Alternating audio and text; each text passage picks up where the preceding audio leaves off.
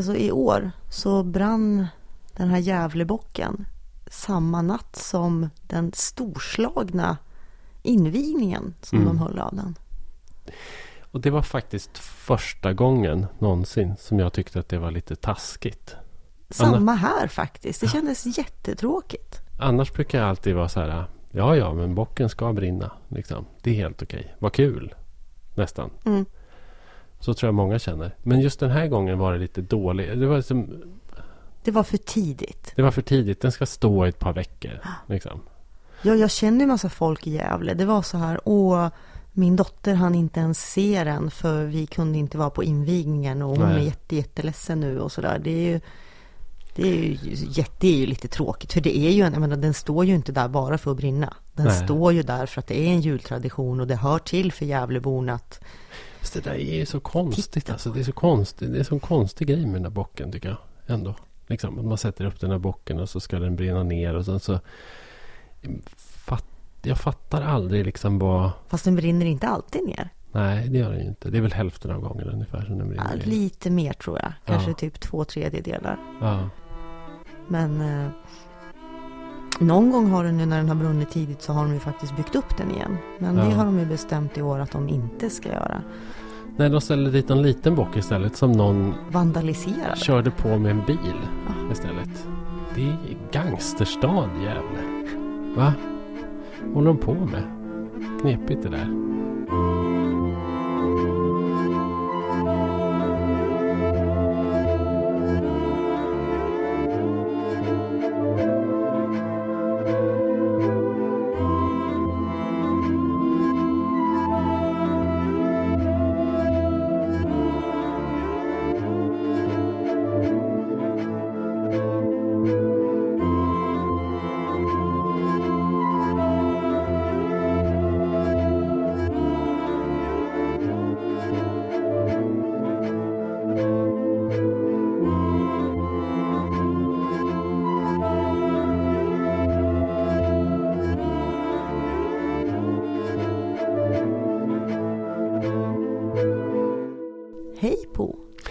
Hallå Sofia.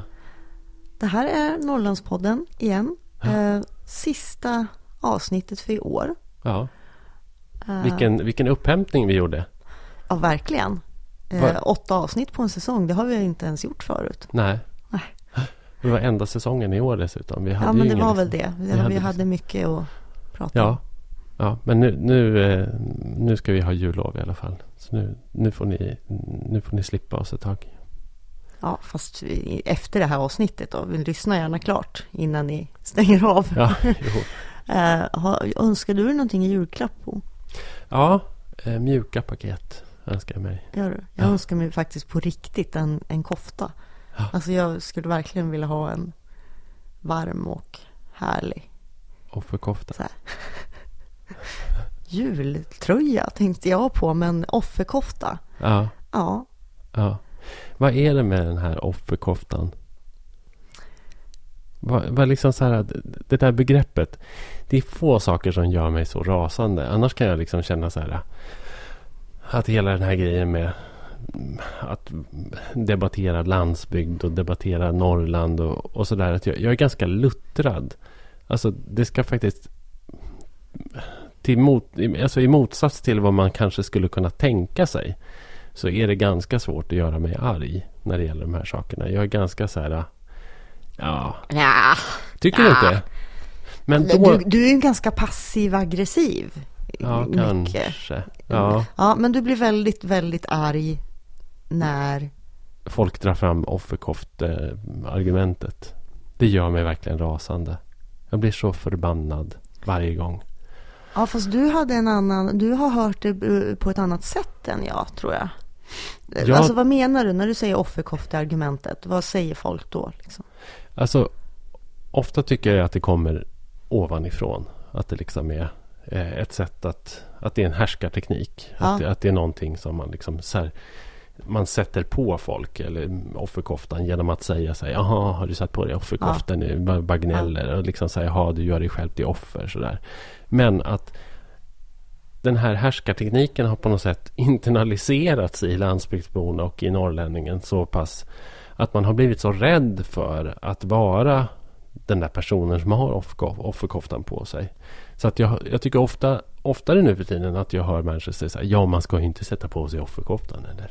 Ja, och sen så kommer de med sitt Ja. beklagande då eller det, Ja, men det... det- här- det, nej, men det är lite tabu att klaga. Det är lite fel att klaga. Man ska inte klaga därför då kan... Mm. Jo, men för kan, den där retoriken kan man ju använda på alla möjliga sätt. Ja, inte för att skryta, men eh, jag har gjort världens bästa bulle. Alltså att man eh, Mm. att man på något sätt eh, avväpnar mottagaren så de inte ska kunna anklaga en för skryt eller för att vara en offerkofta. Jo, för att man också. vet att det man kommer att säga kan mötas av Ja. just den Men då måste man ju liksom börja sortera. Så så här, ja, men det, det, det kanske också är så att man är ett offer. Ja, och jag har, börjat, jag har börjat använda det där tvärtom. Alltså inte Jaha. så här så att jag säger att andra är offerkoftor och inte att jag säger ja, jag vill ju inte vara någon offerkofta, utan mer som att ja, ja, men jag är faktiskt ett offer i den här situationen. Ja. och ta med friheten att, alltså nu, nu kanske inte jag utsätts för det i just Norrlands diskussioner, men man kan ju utsättas för den, alltså när man diskuterar feminism till exempel. Mm. Ja, då får man ju verkligen höra det. Och kvinnor, jävla offer liksom. Ta på er offerkoftan eller ta av dig offerkoftan, ta av er offerkoftorna, kvinnor, feminister, sådär. Ja, men, men det som är provocerande med det, det är ju faktiskt att man inte tar eh, offret på allvar i de, i de situationer då en person eh, faktiskt är ett offer. Jag menar, jag kan ju värja mig emot att klumpa ihop, alltså till exempel säga att alla kvinnor är offer för någonting. Jag kan värja mig mot, mot den beskrivningen. Men enskilda personers upplevelse, vare sig det är av att vara liksom överkörd i glesbygden eller av att vara kvinna utsatt för diskriminering eller sexism eller vad som helst. Så, Så- måste man ju få, få beteckna sig som ett offer Apropå för... det som vi pratade om här om veckan med liksom valet i USA och Trump och landsbygdsbefolkningen och, och liksom att människor faktiskt upplever sig själva som offer men inte vill vara offer. Och om man då kanske inte eh, av olika skäl, vilket i USA kan bero på liksom faktiskt brist på information. Det kan bero på faktaresistens. Det kan bero på att man liksom svär sig fast i en ideologi som gör det väldigt komplicerat att liksom ägna sig åt strukturanalyser och se sin roll i en struktur till exempel. Eh, om man då inte får vara offer, om, man, om, om det är upplevelsen att man inte får vara offer men att man ändå känner att man är ett offer. Finns det inte en risk då att, att, att liksom den här offermentaliteten eller ilskan eller känslan kommer ut på helt fel sätt. Att det kan kanske av det skälet vara ganska bra att bejaka offermentaliteten istället. För så kan ju jag känna och lite börja grann. tycka synd om folk. Då, Ja, men- tänker du? För, för alltså att bejaka offermentalitet, är ju på något sätt att man tycker synd om personen. Tycker- Eller, eller hur, hur Ja. bejakar man offer... Nej, men alltså jag tycker det är intressant. Ja. Hur, be, hur bejakar man offermentalitet? Ja, men alltså för det är första... det liksom att ta folks oro på allvar? oj, oj, oj, vilken, vilken, läskig, vilken lä, läskig vändning. Men, men lite, lite så här tänker jag att, att det, finns ju, det finns ju verkligen lägen där, eh, där människor är offer för det första. Och det, det, första man måste göra är ju att man måste bena ut. Att om folk Mm. klagar på bristande infrastruktur eller dålig vård eller nedläggning av en BB-avdelning eller för hög kommunalskatt i, i den här inlandsorten man bor i eller något sånt där. då är, eh, och man inte får göra det. Eh, och man säger då du, du är en offerkofta om du klagar på detta. Eh, då, då tycker jag ju att, att då har man ju då har man gjort någonting ganska taskigt. Därför då har man ju avväpnat den personen. Eh, och på något sätt Ja, Tag- det är en jätteobehaglig ta, härskarteknik. ja, att- och tagit att, ifrån... Därför att alltså, så, detta med att, att, att först definiera sig själv som ett offer. Det kan ju också vara första steget till, till att det formeras en proteströrelse. Och då kan jag känna liksom att den här begreppet eh, hämmar hämmar ju människors liksom, kanske kampvilja. Att, att, att först känner man sig som ett offer och sen så känner man sig som att nej, jag vill inte vara ett offer. Eh, och istället då för att slita av sig offerkoftan så kanske man behåller offerkoftan på men, men man, man kämpar mot överhetens förtryck eller mot de här orättvisorna eller vad det nu må vara. Att, att det finns ju faktiskt en, det finns ju en kamp att, att bedriva.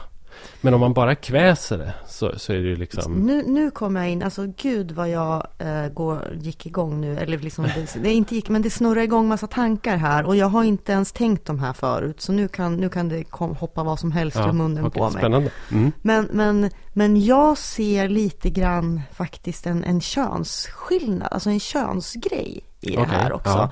Och, och det kanske handlar om att just ordet dyker upp så ofta i jämställdhetsdiskussioner och så. Ja. Men Eh, Eh, men de här så att säga då offren på landsbygden som känner sig överkörda och eh, blir liksom kallade offerkoftor, att de inte ska få klaga som, som in, utan att ta av sig offerkoftan ska protestera och så blir det liksom hamnar det snett. Det känns som att det är mer en manlig grej. Medan då en kvinna som blir anklagad för att ha en offerkofta eh, eller liksom på något sätt är utsatt eller hon, då, då blir det mer det här, alltså utifrån den feministiska rörelsen, jag tycker inte att det hamnar snett, utan då blir det mer, ja, jag råkar vara ett offer för omständigheterna, men jag ska inte låta dem styra eller trycka ner mig eller få mig att sätta mig ner och ge upp. Utan jag ska vända det till något bra liksom. Mm.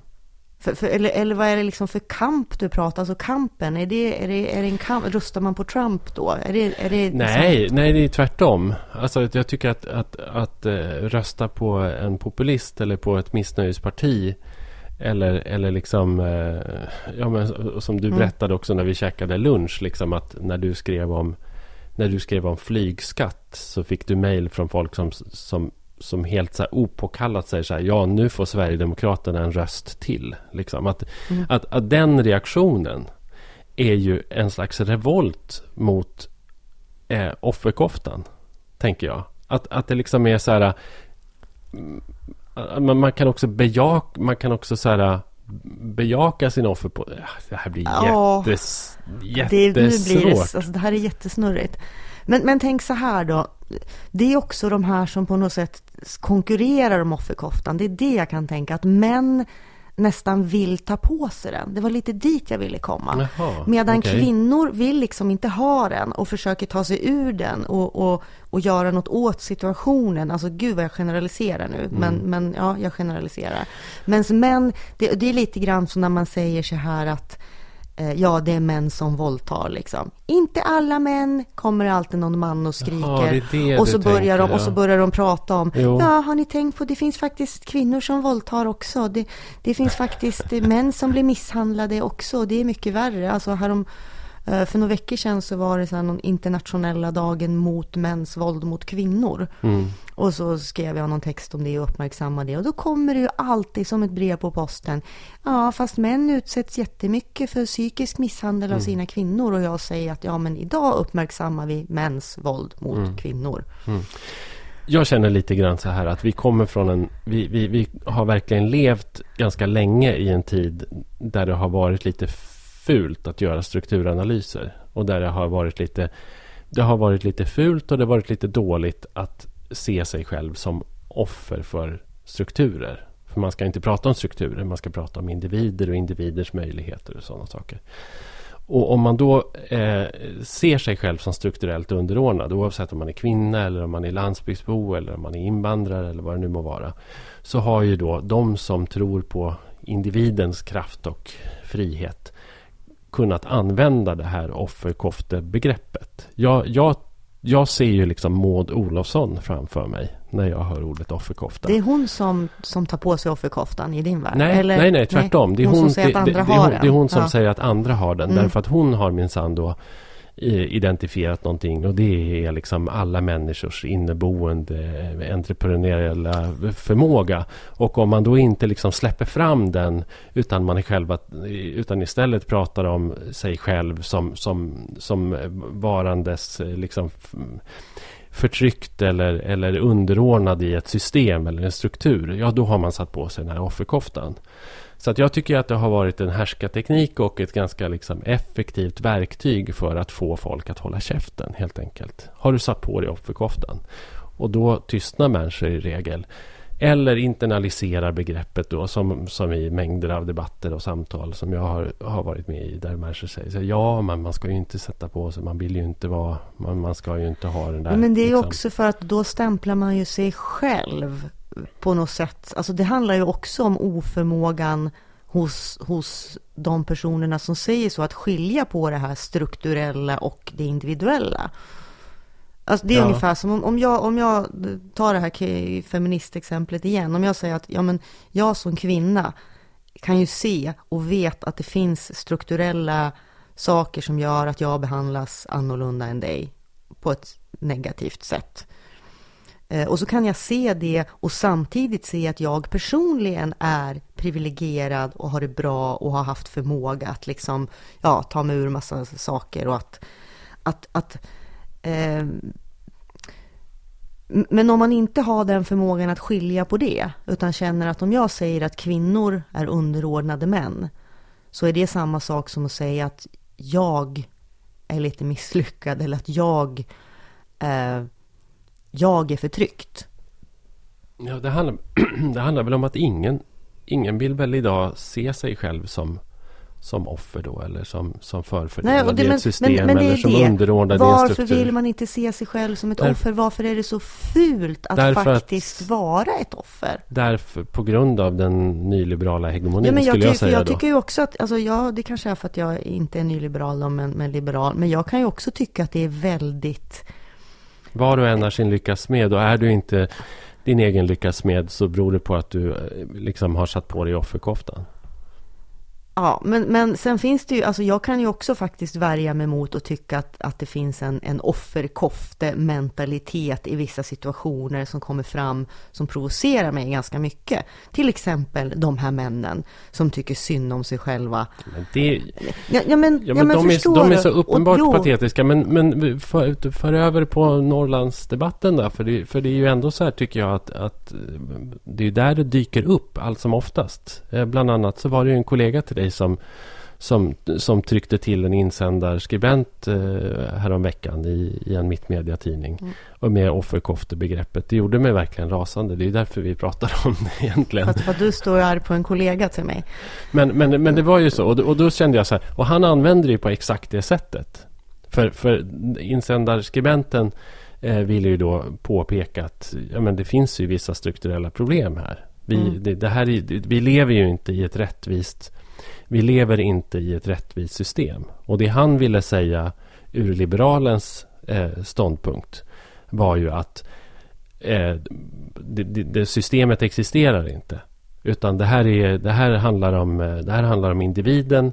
Och om du inte eh, förmår ta plats i det här systemet så har du satt på dig offerkoftan. Nu, vet, nu, nu är det så här att jag eh, har läst det här svaret. Jag har dock inte läst insändaren som, som han svarar på. Vi så- behöver så inte diskutera det i detalj. Men, men, men, men först, inte- förstår du hur det används? Och jag tycker att det här är ganska vanligt. Liksom. Ja, och jag tycker ju att det kanske är ett fult sätt. Samtidigt så, alltså jag, kan, jag, måste ju vara, jag måste ju vara ärlig med mig själv här och mot våra lyssnare. Så att jag skulle nog också mycket väl kunna använda det begreppet i polemik med någon.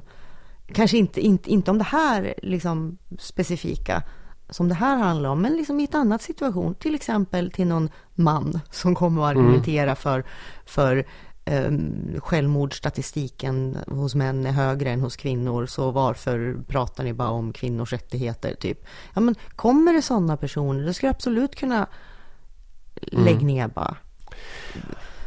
Absolut. Ja, men förstår, det är liksom, jag, jag, jag, Och jag kan också känna så här... Det, jag det, tycker att det är fult, men, men jag kan också ta till fula knep ibland. Mm, ja. Man, alltså man gör ju det, det gör ju du också. Vi gör ju Ja, det. men det gör man väl. Och jag kan väl också känna så här att men det finns ju ett parti i riksdagen som är väldigt, väldigt duktiga på att utmåla sig själva som offer i, i, i tid Mm. och otid. Och det är ju Sverigedemokraterna. Jo, fast det är ju också ett parti som, som verkligen, eh, där det verkligen börjar bli obsolet att göra det.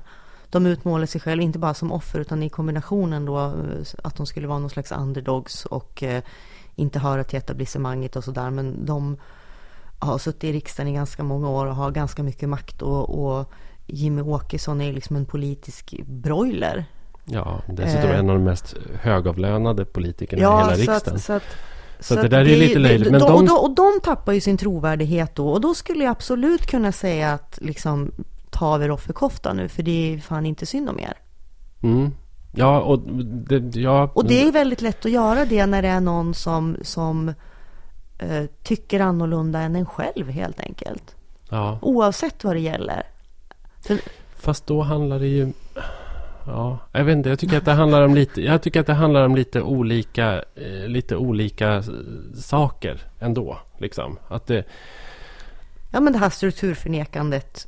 Ja. Eh, För Ja. där är det ju inte strukturförnekande egentligen. utan, där, nej. utan där handlar det ju mer om liksom en känsla men, av... men om det var just ordet offerkofta Ja. vi skulle diskutera. För när det gäller liksom just det här själva strukturförnekandet och alla olika tillmälen som kan komma med det.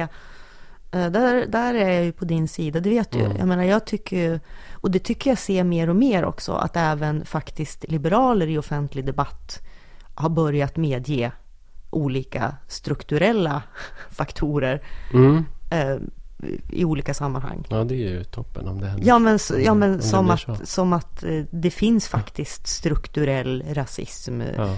strukturellt kvinnoförtryck Mm. och så vidare. Att man medger det. Sen har man kanske andra förslag på hur, hur det ska lösas och hur de här strukturerna ska rivas. Men, men att, jag bara tror att, jag tror inte att det hade skett några större samhällsförändringar eh, i det här landet eller i andra länder heller om inte människor hade kanske så här eh, Alltså offerkoftan kanske är bra om, om, den är, om det är ett kollektivt plagg. Om det är någonting så här som, som en grupp sätter på sig. Och liksom för att man har identifierat eh, sin offerroll i en, i en strukturell eh, underordning. Liksom. Eh, Att, och att man kan hämta kraft i det. Så här, och så går man ihop. Och liksom så här, nu ska Mm. vi göra någonting åt det här. Och det, och det, har ju liksom, det har ju verkligen hjälpt eh, arbetarrörelsen. Och det har hjälpt kvinnorna. Och det har hjälpt liksom, förtryckta människor.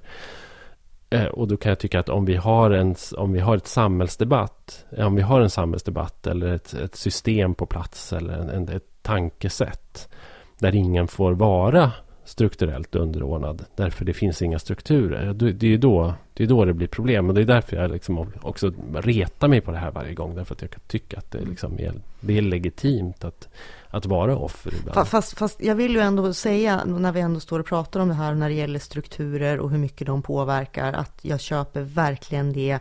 Men jag köper ju också väldigt mycket eh, att individer har ett eget ansvar och möj, alltså bör ta det ansvaret Mm. att faktiskt påverka och eh, eh, sin egen situation. Mm. Det betyder inte att jag tycker att alla, alltså alla har ju också olika förutsättningar. Och det är en annan del i det här strukturförnekarna då. Som å ena sidan så förnekar man att det finns strukturer, å andra sidan så förnekar man att människor faktiskt föds med olika förutsättningar från början. Mm. Det ingår någonstans i det paketet. Eller på platser med, med olika Ja, förutsättningar. ja, men precis. Och jag menar Ja. förutsättningarna kan ju vara till exempel kön eller att du råkar vara född där du är född, Mm. eh, vart det än är. Det kan också vara eh, Alltså du kan ha ett funktionshinder, du kan, alltså Mm. det finns ju jätte, jättemånga saker som påverkar våra förutsättningar. Ja. Så att alla kan inte bli entreprenörer. Jag behöver, det behöver inte handla om att Alltså jag har ju tröttnat jättemycket på det här pratet om att alla ungdomar är lata. Jag vet inte, såg du den artikeln som delades friskt häromdagen? Jag minns inte vem som skrev den. Eh, Det hand, men det handlade i varje fall om, eh, om arbets, arbetslösheten. Och att det finns jättemycket jobb. Det är bara det att de unga vill inte ha dem. Nähä, Och så okej. visade det sig att hela artikeln handlade om jobb på callcenter. Aha. Ja, de vill inte jobba på callcenter. Och så kan jag känna någonstans att fan vad bra att ni inte liksom nedlåter er till vad som helst. Liksom. Bara, alltså, sen, och sen så är det också så här att de här ungdomarna då som inte vill jobba på callcenter är ju såklart måste vi konstatera det måste ju vara det privilegierade ungdomar som kanske bor kvar hemma, som kanske är försörjda, som, som inte verkligen måste ha den här inkomsten. För i, i, då skulle de ta det här jobbet. Mm. Som Men, men, i alla men, inlandsorter men, men som jag har verkligen full förståelse för en person som inte måste jobba på ett callcenter som vägrar att göra det. Mm. Det, det, det, det är inte för att man är lat, det är för att man har någon slags... eh, Alltså jag vet inte. Skulle du vilja jobba på ett callcenter? Verkligen inte. Vad skulle, vad skulle kunna få dig att göra det? Jag vet inte. Total ekonomisk totalkrasch antar jag. Då skulle man väl kanske vara nöd och tvungen då. Så är det väl. Ja, alltså jag känner att jag har väldigt, väldigt svårt att säga till mina ungar att men ta det jobb du får. Oavsett vad det är, Mm. oavsett vad de har för villkor, oavsett. Men just callcenters är ju intressant därför det är ju på en hel del liksom norrländska orter så har det ju varit liksom det enda du är hänvisad till. Det, liksom, Ja, det poppade upp en hel del callcenters i, i mindre norrländska orter under några år. Sen flyttar de där runt då därför att de här företagen har ju insett att de kan få en utomlands. nyrenoverade lokaler och eh, liksom olika privilegier om de öppnar upp och sen kan de flytta någon annanstans. Jag har ett annat mjukt paket här. Ja, Ja. Det innehåller en våt filt. Är du sugen? och vem ska vi lägga den våta filten över? Jag skojar bara. Men det, men det är en annan sån där sak som jag ofta har fått höra. Jag har inte fått höra att jag har offerkoftan på mig av någon anledning. Jag tror inte kanske att jag Nej, men framst- lägger en våt filt över hela Norrland och Exakt. Norrlandsfrågan. Jajamän. Ohoho, det blir så Ja. deppigt och jobbigt när Ja. du kommer och Ja. pratar Ja. med dina dystopier. Ja, ja precis. Så att, och gläntar man på den där våta filten så, så, så ser man ett, ett, ett gäng huttrande människor i, i offerkofta.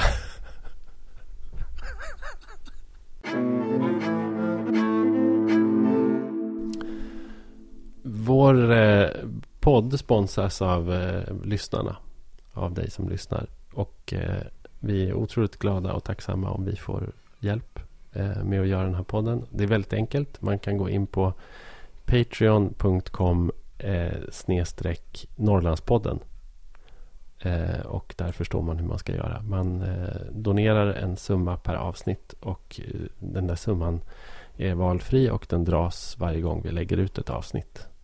Så man betalar inte för ingenting utan man betalar för varje avsnitt. Och om man tycker att vi lägger ut för många avsnitt kan man avsluta sin spons. Exakt. Mm. Så. Eh, nu, ja, nu blev det ju många på raken. Men jag hoppas att det var värt det. Våra lyssnare eh, kommer ju också med eh, mer om, jag tycker vi har fått ganska mycket ändå olika inspel och kommentarer Mm. den här säsongen. Både på Twitter med hashtag Norrlandspodden och på vår Facebook-sida. Mm. eh, Norrlandspodden på Facebook. Och eh, det har efterfrågats att eh, vi ska reda ut det här med kväner, apropå programmet Midnattssol. Och jag, jag minns faktiskt att vi i ett av de allra första avsnitten, jag tror att det kan vara typ avsnitt två. Ja, det är Så- när vi pratade om kol- kolonialism. Precis, och vi pratade liksom om Norrlands historia tillbaka till 1600-talet. Och då, då pratade vi lite om kvänerna. Men ska vi repetera? Vad Ja, är det- kvän? Ja, det, är ju, det är ju dunkelt detta med kvänerna. Men det finns ju tydligen alltså någon gammal Alltså någon gammal fornnordisk eh, källa, alltså någon reseskildring eller någonting som tillmäts eh, viss betydelse i alla fall. Där det pratas om kvänland och, eh, och om kväner. Som en folkgrupp då som, som liksom befolkade Eh, det som nu kanske kallas för Nordkalotten. Alltså området mellan Norrbottenskusten och eh, Finland och, eh, och till nordnorska kusten. Där, där, levde och härjade kvänerna och var i, i konflikt med andra grupper. Och, alltså, och nu pratar vi kanske sen vikingatiden och sånt där ursprungligen. Eh, och, eh, men det fanns också andra eh, grupper som rörde sig där. Det var ju samerna förstås. Och sen så var det eh, skridfinnar. Som jag tror helt enkelt var finnar som åkte skidor. och, och sen så och sen så var det de här eh, birkarlarna som var någon typ av handelsmän. Och som eh, tror jag var ofta fungerade som någon slags länk mellan, mellan eh, kronan och kungarna i Stockholm Men de var inget samerna. folkslag. Nej, nej. knappast. Va? Men kvänerna var ju då tydligen någon typ av folkslag eller folkgrupp. Någon slags nomadiserad grupp på något sätt. Och det som, det som har... Det som aktualiserade detta med kvänerna var väl att för kanske 10-20 år sedan så, så var det ett gäng människor i, i norra Sverige och i Finland och Norge som, som jag tror eh, talade meänkieli, alltså eh, det, det finska minoritetsspråket, eh, eller finskliknande minoritetsspråket meänkieli, som började kalla sig för kväner eller på något sätt tog upp det här gamla namnet och ville, ville på något sätt lyft, lyfta det. Men nu har ju inte... de blivit lite upprörda över tv-serien. Ja, för de Och skilde... krävt då SVT på, på, urs, på någon ursäkt eftersom ja. de menar då att, att vi är en väldigt liten grupp, vi är en minoritetsgrupp och så får vi typ äntligen eh, synas eller skildras i medierna och då är det på ett sånt här riktigt eh, smutskastande eller dåligt vis att vi ja, framställs som... För de som utpekas som kväner i midnattssol är, är stökiga, lite halvkriminella. Ja, det är inte jättesympatiska personer. personer. Nej. Nej. Men, men, de... men SVT har inte bett om ursäkt. Nej, och, och de, de här som då liksom i den här kvänrörelsen som tror föddes på 90-talet Eh, de vill ju också bli kategoriserade som minoritetsgrupp. Men de, de, fick ju inte det. För det finns ju liksom inte historiska källor. De är nog ganska få. De kan alltså inte på något sätt leda i bevis att de tillhör den här jag tror inte det. Efter vikingatids... Nej, jag tror att det är en ganska subjektiv... Jag tror att det är en ganska subjektiv uppfattning. Liksom. Okay. Eh, ja. Så att det, det, är, det är helt enkelt vad jag, vad jag vet om, om kvänerna. Så nu, nu har jag sagt det. Det var säkert en massa felaktigheter. Det, det kommer, nu kommer deras vrede. Nu kommer vår eh, Facebook-sida bli eh, hackad av, av eh, kväner. Du, en... Ehm, en grej som, som, som du har skrivit om i år. Ja. Är väl det eventuella bygget av en skyskrapa i Sundsvall. ja, och vi har inte pratat om det. Nej. Va? Nej. Och jag gjorde en snabb googling på det här för att se om det var liksom fler skyskrapor på gång i Norrland. Eh, och skyskrapor är ju, det är löjligt. För det, för det här handlar ju egentligen bara om höga, höga hus. Eller hur? Alltså vad är definitionen av en skyskrapa? Ja, fast om det är över 100 meter Jaha, det, finns det en sån? Jag, liksom? jag, vet, alltså jag, nej, men jag tror att det finns en gräns. Och den, jag vet ju att den i Sundsvall skulle vara över 100 meter. Typ 105 eller något sånt där. Jag för, tror att den, jo jag tror nog att man kan kalla det en skyskrapa faktiskt. För det har ju funnits planer i Luleå som har skrotats och i Östersund som har skrotats. Eh, och i Piteå som kanske är på gång. Det var lite, det var lite luddigt. Eh, Gävle också. Det verkar som att det liksom sådär poppar upp sådana här drömmar om att bygga väldigt, väldigt höga hus. fallosliknande hus mm. i centrala delar av de norrländska städerna. Vad, vad beror det på tror du? Alltså det handlar väl inte bara om norrländska städer. Utan Nej. det handlar väl om liksom kommuner generellt. Som, som på något sätt, alltså jag vet inte, män vill bygga höga hus. Men du är det, inte det så är negativ så här, heller. Men det, det, det, det, det är också så här att det, ska, att det ska symbolisera någon slags framtidstro, att man är modern, att man eh, lite liksom storstadsdrömmar. Ja. Det finns väldigt, väldigt mycket symbolik i en skyskrapa. Ja. Eh, på det sättet. Ja, alltså jag är positiv. Eh, jag kan, jag kan ju berätta när det här offentliggjordes då. Så så blev, alltså det kom en kallelse till en presskonferens med Gert Wingård. Mm -hmm. och, Alltid Gert Wingård. Och Niklas Nyberg, eh, som då är eh, eh, från Örnsköldsvik. Eh, och, Ja, det- och har byggt det här bygg- huset i Örnsköldsvik Ja, exempel. det som är ovanpå gamla tingsrätten. Ja, precis. Det där färgglada Precis, vingård. det färgglada huset Ja. man ser när man kommer till Örnsköldsvik. Och det har ju Gert Wingård också ritat. Ja, och så skulle de ha eh, en presskonferens i Sundsvall. Och eh, när jag gick in och tittade på den sändningen av den presskonferensen då. Och så, och så såg jag, så hade de den här lilla skyskrape, liksom, eh, prototypen. Och jag bara, alltså jag, jag tror jag skrek rakt ut bara för att det var så det här, det här är inte, det här, jag trodde att det var ett skämt på riktigt.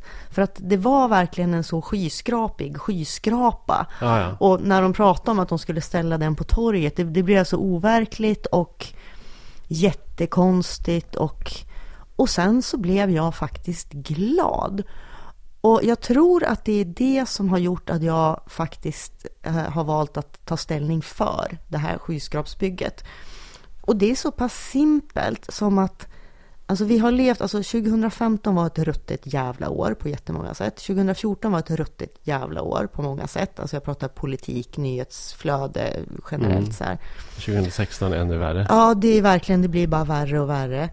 Och så när jag tänker efter, för jag har liksom funderat på vad jag ska skriva om i en årskrönika. Den enda nyheten som jag kan minnas som har kommit under det här året som verkligen har gjort mig glad. Du vet, gl- liksom genuint glad så att jag får liksom, jag känner hur ansiktet ler på riktigt och, och en härlig känsla i magen. Och faktiskt lite hopp om någonting. Liksom. Ja, men det var den här skyskrapan. Och det är ju väldigt, det är ju väldigt primitiva känslor, det kan jag erkänna. De, de, är ju inte baserade på, liksom, på någonting, någonting annat, alltså just min magkänsla. Min reflektion är ju också kanske så här att satan var illa, allting annat måste vara.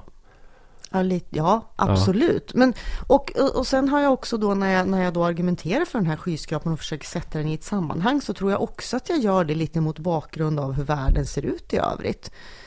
Liksom, det, det, vi, har, vi pratar om ett husbygge ändå. Mm. Det, vi kan inte riva upp himmel och jord för eller emot ett hus oavsett om det är jättehögt och ska Men- stå på fel plats. Alltså jag tycker att ja, men nu har vi något att vara glada åt och glad, då bygger vi det här huset och så eh, Ja, sen kan jag ju se andra fördelar med det här Ja. bygget för stan såklart. Eh, Men jag gör lite olika reflektioner tänker jag när jag, när, jag hör det här. när jag har hört talas om, om sådana här projekt. Och för det första så tycker jag ju att det är supermärkligt att man skulle bygga en skyskrapa liksom på torget mitt i Sundsvalls stenstad som man ju liksom annars är så otroligt stolt över och vill bevara liksom egenarten i. Och det här, det här skulle ju verkligen förändra stenstaden. Det här skulle ju verkligen addera någonting som, som inte alls har där att göra rent estetiskt eller rent kulturellt. Sådär.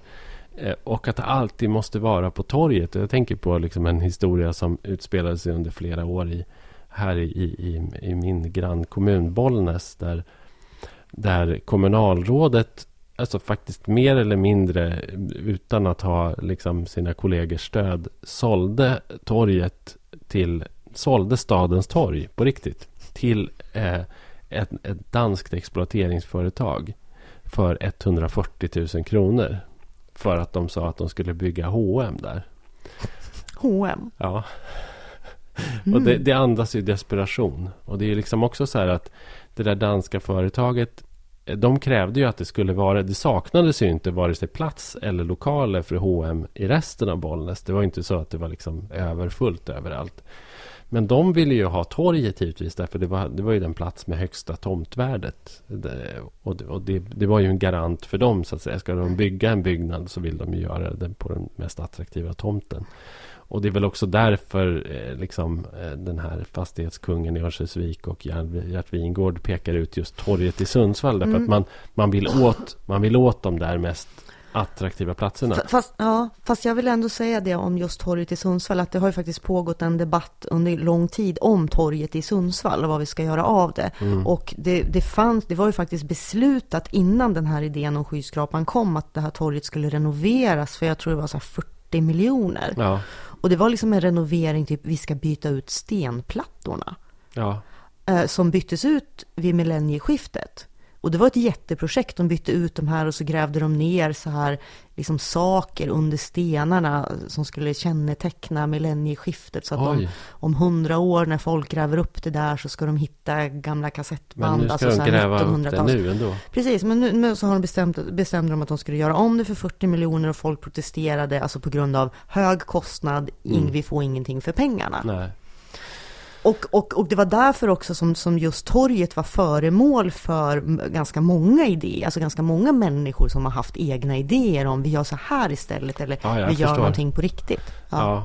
Det är, ja, jag vet inte. I, I Bollnäs slutade det med att det där danska företaget inte alls byggde H&M eh, på torget. Eh, för att de, H&M ville helt enkelt inte hyra in sig i deras hus som de skulle bygga Nej.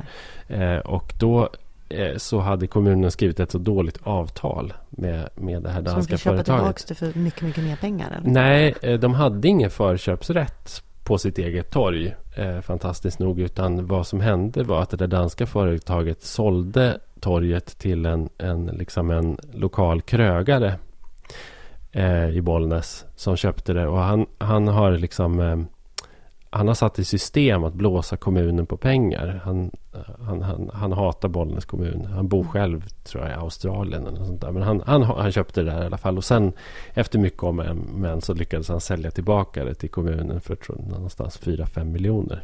Mm. Eh, och, sen, och, och, under den tiden så hade kommunen också hunnit riva upp hela torget och planteringar och, och stenläggningar. Så Förbereda för det här. Ja, exakt. Mm. Och, och nu har de ju då, nu faktiskt nu i höstas så invigde de det nya torget. Det här var alltså en process som har gått, mm. pågått i tio år.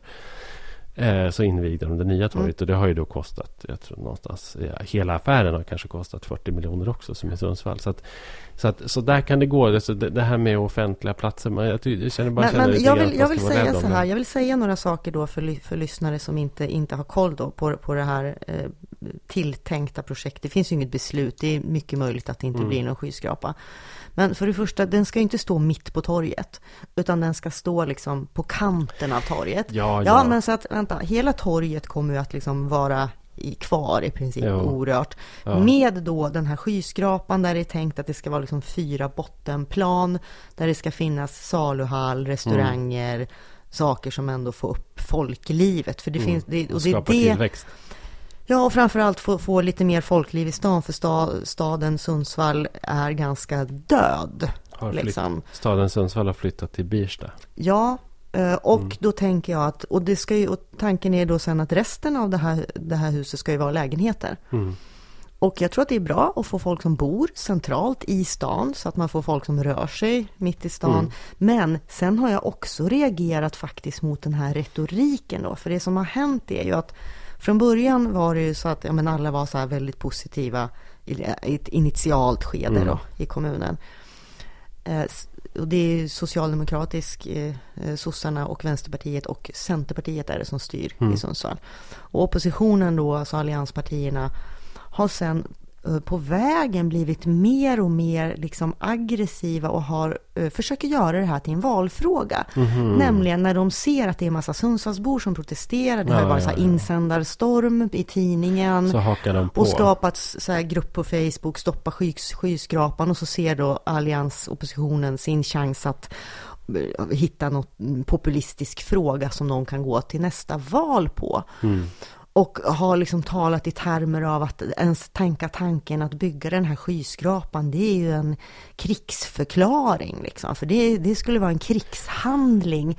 Och den här krigshandlingen skulle då bestå i att man raserar stenstadens Aha, värde. Okay. Ja. Ja, ja. Eh, men den retoriken är ju helt otrolig. Och, och då blir jag också liksom, bara på grund av det så känner jag lite grann att jag är för den här, den, det här bygget. Um, för att det är så lågt. Det känns lite... Sen, sen är det också lite intressant att tycka att det faktiskt är då Moderaterna som, och, och folk, eller Liberalerna som är som, som är emot sig. eftersom de borde ju uppmuntra för det, det, det ska inte byggas med kommunala pengar. Det är ju faktiskt en, mm. en fri företagare, liksom näringslivet som ska göra det här. Eh, så att för liksom kommunen så borde det ju vara liksom en positiv grej. Det känns ju helt godtyckligt. Det hade, Ja. det hade lika gärna kunnat vara precis tvärtom. Precis, hade, hade det, Det varit hade de varit- som hade suttit vid makten när, hade, ja, när den här idén kom så hade de applåderat den. Liksom, Precis. ja. Och, det, och det stör mig att det funkar så. Jag, liksom, jag köper inte det riktigt. Nej. Nej, men så är, så är det. Jag tänker på en annan sak också med det här med att liksom bygga skyskrapor och, och på något sätt åstadkomma, åstadkomma förändringar och tillväxt eh, genom, genom byggnation eller liksom, vad ska man säga, genom, alltså incitament på det sättet. Det har ju Umeå gjort till exempel. De har ju verkligen byggt om hela sin, de har ju byggt om hela sin stadskärna egentligen och byggt ett jättestort kulturhus. Skellefteå ska bygga ett kulturhus. Mm. Eh, Luleå har byggt ett kulturhus. De, eh, och, och Luleå har dessutom inlett något eh, slags konstigt samarbete med staden Austin. Luleå loves Austin. De ska bli som Austin. Jag tror, att, jag tror också så här att, att politiker och tjänstemän idag, de vill gärna ta liksom genvägar till urbanitet och till den här eh, som, som dynamisk eh, urban tillväxt genom olika sådana här eh, prestigebyggprojekt. Att man tänker sig att man ska åstadkomma eh, saker på det sättet. Det, det, där, det, där kan jag, det där kan jag också tycka är problematiskt. Men jag, jag känner mig ju samtidigt så här. Nu lägger du en våt filt över Ja, jag känner det också lite så här. Ja, lite grann och, och liksom... Ja, ja, är det, hur kul är det nu då? Liksom, jag menar, jag tycker ju att det är, det är inte så jättefestligt att besöka Sundsvalls stenstad. Det kan jag ju inte säga. Nej, att och det, det, eh, det är så här också att Sundsvalls stenstad, det som är unikt med den då, förutom att den uppfördes ungefär samtidigt på 1800-talet, och det här värdet som då eh, skulle förstöras, det är att alla, alla hus är lika höga. Ja, det. Det finns en enhetlig Ja. takhöjd Ja, i stenstan, Ja. och det är den som skulle förstöras. Och den är ganska cool, Och det kan jag. vara ett kulturminnesmärke. Men, men det jag funderar på det är ju, ja men vad, om man tänker på människorna som bor där. Mm. Nu tänker vi på människorna som bor och lever i den här stan. Vad spelar det mig för roll om, om vi har en enhetlig takhöjd i stenstan? Det är inte så att det lockar jättemånga turister. Och det är inte heller så att, att resten av stenstan ska rivas. Alltså alla byggnader i stenstan som var för sig är liksom en turistattraktion Mm. kommer ju att finnas kvar. Jag förstår. Eh, Men Luleå, Ja. ska vi prata mer om Luleå? ja, jag vet inte. De är så, de är så träliga. Men Jo då, kom Ja. igen. Nej, men jag- det, det, var, det, det var en grej som hände eh, också nu häromveckan. Och det var att Luleå har en väldigt fin musikfestival som heter Musikens makt. Och som Luleå kommun står för. De betalar för den där festivalen. Eh, men de vill inte riktigt göra det längre. Eh, det och var ble, ett jäkla hallabaloo. det blev ett väldigt hallabaloo. Det blev namninsamlingar på nätet och massa svenska artister som gick ut och försvarade den här. Och det som jag tyckte var intressant med det, det var att att, att menar så, om man sätter det just i relation till Umeås ambition att bli Austin. Det vill säga en, en stad som präglas liksom av... Luleå. Ja. Du sa Umeå nu. Ja, men det är förlåt. Luleå vi Att pratar om. ja, precis. mm. Att Luleå vill bli som Austin. Det vill säga en, en, en stad som är liksom stor och dynamisk och som präglas av en stark kunskapsekonomi, IT-företag, techföretag, eh, tekniskt universitet. Ja, kulturliv. och, och eh, inte minst ett musikliv som är, som är liksom känt i hela världen. Eh, så, så är det ju liksom... Eh, ja, då... Alltså då är det ju Då är det ju ganska korkat att lägga ner stadens eh, liksom kända musikfestival, tänker jag. Eh, och och det som, det som jag tänker lite kring det där, det är att jag tror inte riktigt... Och i, I Umeå, för det första, också, som ju då har genomgått en, en enorm förvandling och där man liksom har byggt nya prestigebyggnader och tryckt ut väldigt, lite, väldigt, väldigt mycket av den här liksom medborgar-gräsrotskulturen. Man liksom tryckt Var ut i, det kulturhuvudstad också? Ja, Mm. och man har tryckt ut gräsrotskulturen i ytterområdena därför att hyrorna i centrala Umeå har blivit så höga så att de har inte råd att vara där. Liksom musikklubbar och teatrar och, och verkstäder och sådana saker. Eh, och det som jag tänker då, det är att politiker och tjänstemän, de känner inte igen en entreprenör när de ser den. Att, att jag tror att politiker och tjänstemän i Umeå och Luleå och i andra liksom norrländska och svenska städer. när de tänker på ungdomar och entreprenörskap så ser de framför sig en sån här lite eh, lillgammal eh, kille i kostymskjorta som, är, som eh, liksom står på en mässa med sin innovation. Och han Någon är med, som har gått ekonomisk linje. Ja, och han är med i och... Ungt Företagande och eh, är med i, i liksom aktie-SM. Eh, och, och kanske medlem i MUF. Det, och det, socialt begåvad. Ja, och det är så en entreprenör ser ut. Men det har ju faktiskt visat sig gång efter gång att, att det liksom vänstermänniskor som är skolade liksom på punkklubbar eller i rockband eller i andra alternativa sammanhang har startat fantastiskt stora framgångsrika svenska företag i, inom musik och mode och eh, liksom alla möjliga olika branscher och IT och kommit väldigt långt med det. Eh, och de hade inte gjort det om de inte hade haft de här möjligheterna, kanske genom kommunal musikskola eller eller vad det nu må vara. Och, och, eller i kommunalt drivna replokaler eller kommunala gratisfestivaler eller, må, eller vad, vad det nu kan vara. Liksom. Men, men de där personerna ser inte riktigt ut de ser inte ut så som man tänker sig att entreprenörer ska se ut. Och därför så försöker man liksom med, motarbeta dem. Man är lite rädd för dem. Eller man tar dem inte på allvar. Man tror inte att det är där det kommer hända. Det är inte där tillväxten skapas så att säga. Och därför så kan det bli så här ironiskt att Umeå och Luleå då som vill ha kulturdriven tillväxt och vill vara som Austin faktiskt här, stänger ner den typen av verksamheter och satsar på andra saker istället. För, för vad vi ska nämna i sammanhanget är ju då också att Umeå har ju då fattat något beslut som kommer att slakta deras kulturskola.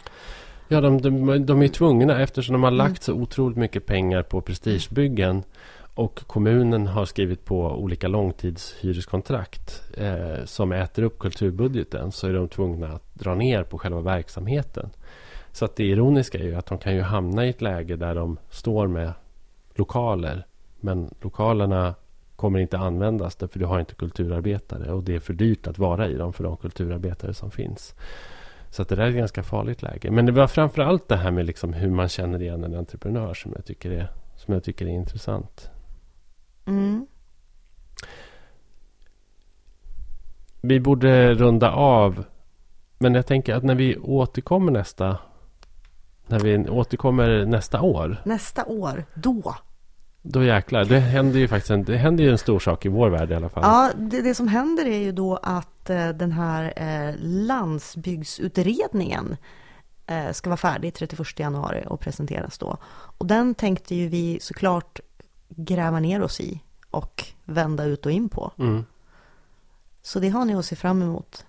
Det har ju läckt ut en sak som, som det känns... Eh, Sven, Sven-Erik Bucht var ute, landsbygdsministern, och pratade i, i eh, landsbygdens branschtidning ATL eh, häromveckan om att eh, han tror på eh, avskrivning av studiemedel för akademiker som flyttar ut eh, liksom i, i de glesa delarna av Sverige.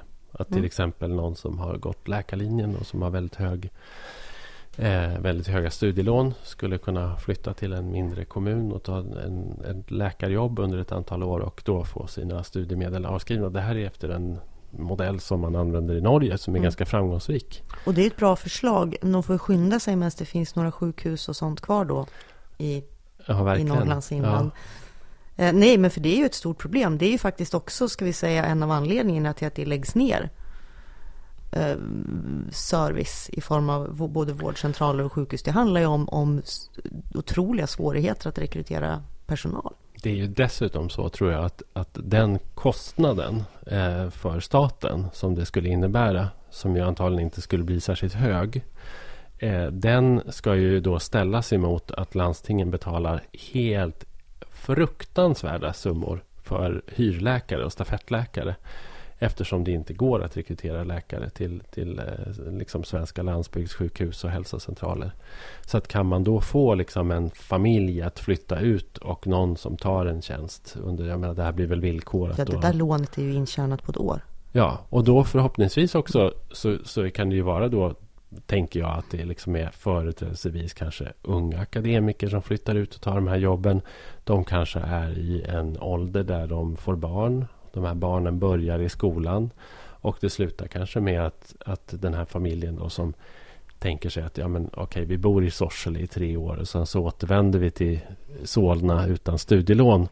Eh, faktiskt blir kvar därför att de gillar livsstilen och barnen rotar sig. Jag tror ju att det här är en grej som faktiskt på riktigt skulle kunna vända lite grann. Sen kan man ju såklart ja, ifrågasätta varför. Det är inte som att vifta med ett trollspö såklart, Nej. men absolut en, en del eh, en del av Ja, och om det här eh, förslaget överlever liksom processen och kommer med i, i den här landsbygdsutredningen så, så är det fantastiskt. Därför att det som är eh, bra med landsbygdsutredningen till skillnad från medieutredningen som ju liksom var externa, bara lösa förslag som sen liksom ska processas av alla politiska partier. Det är ju att de här förslagen i landsbygdsutredningen, de är redan färdigkompromissade. Av då dem. Har de varit ute på remiss? Och liksom, nej då, inte så. Nej. Men, men alltså, eh, alltså den är ju kommissionen då, eller den här utredningen, består ju av människor från alla partier. Mm. Eh, och de har ju då mandat från sina respektive partier, så har jag fattat det. Att, okay. att förhandla med varandra. Så det ska inte finnas några, några förslag som inte kan gå igenom i riksdagen? Typ. Nej, typ så. Det kan vi ändå kanske inte veta det vet, säkert. Men, nej, det vet man, det vet men, man aldrig. Men en bättre förutsättning i alla fall för Bättre, betydligt bättre förutsättning än medieutredningen om man säger så. Mm, om det nu är bra förslag. Ja. Uh, det kan ju finnas jättedåliga förslag i den utredningen mm. också. Så att vi ska kanske inte ropa hej. Men eh, 31 januari kommer den. Vi läser den och sen så spelar vi in en ny podd. Och glöm inte bort att eh, stötta oss eh, via patreon.com snedstreck Norrlandspodden. Och eh, vi avrundar med ett eh, kulturtips. Ja. Eh, jag har läst eh, en bok av Elin Grälsson Almestad. Ja. Ja eh, som heter Hundarna på huvudgatan. Den kom tidigare i år. Tror, den borde snart komma i pocket. Den finns inte i pocket än. Men det, jag vill tipsa om den och jag läste den ju eftersom alltså den utspelar sig ju då i Östersund, Kramfors och Sundsvall. Mm. Så det är mina trakter så att säga, Medelpad och Ångermanland. Vad handlar den om? Ja, alltså den handlar om en, eh, det är en huvudperson som heter Johanna som man får följa i princip från att hon är liten och ja, hon är typ i min ålder, kanske lite yngre. Men det är många paralleller i uppväxten. Alltså hon, väx, hon växer upp i Kramfors, flyttar till Östersund och går gymnasiet. Sen flyttar hon till Sundsvall för att jobba. Och det är alltså, jag känner igen namnen på bostadsområden och gator och eh, alltså olika kulturella referenser och hur det var i skolan och sådär. Och samtidigt är det så otroligt mycket som jag inte känner igen då, därför att den här, den här Johanna växer ju då upp, hennes, hennes pappa är kommundirektör, eller, eller kommunalråd. Eh, han är nog kommunalråd, Kommun, ja, i Kramfors kommun socialdemokratisk i en kommun som alltid har varit socialdemokratisk. Så det är väldigt, väldigt mycket politik och det handlar ju också om om hennes identitet som socialdemokrat i Ådalen. Mm -hmm. Och det är jätteintressant. Det intressanta är ju att jag då som har levt i Ådalen under samma period fast i en sossefientlig familj. Så blir alltså det, blir, det är en spännande läsning. Sen så blir hon vuxen och eh, utbildar sig till präst. Så det kommer också in då tro och kristendom som jag ju däremot har erfarenhet av. Eh, och det är, en, alltså det, är en, det är en fin historia. Eh, och det väcker mycket tankar hos mig i alla fall. Mm. Eh, jag tycker ni ska läsa den. Mm. Hundarna på huvudgatan av mm. Elin Grälsson Almestad. Du, god jul då. Ja men, god jul.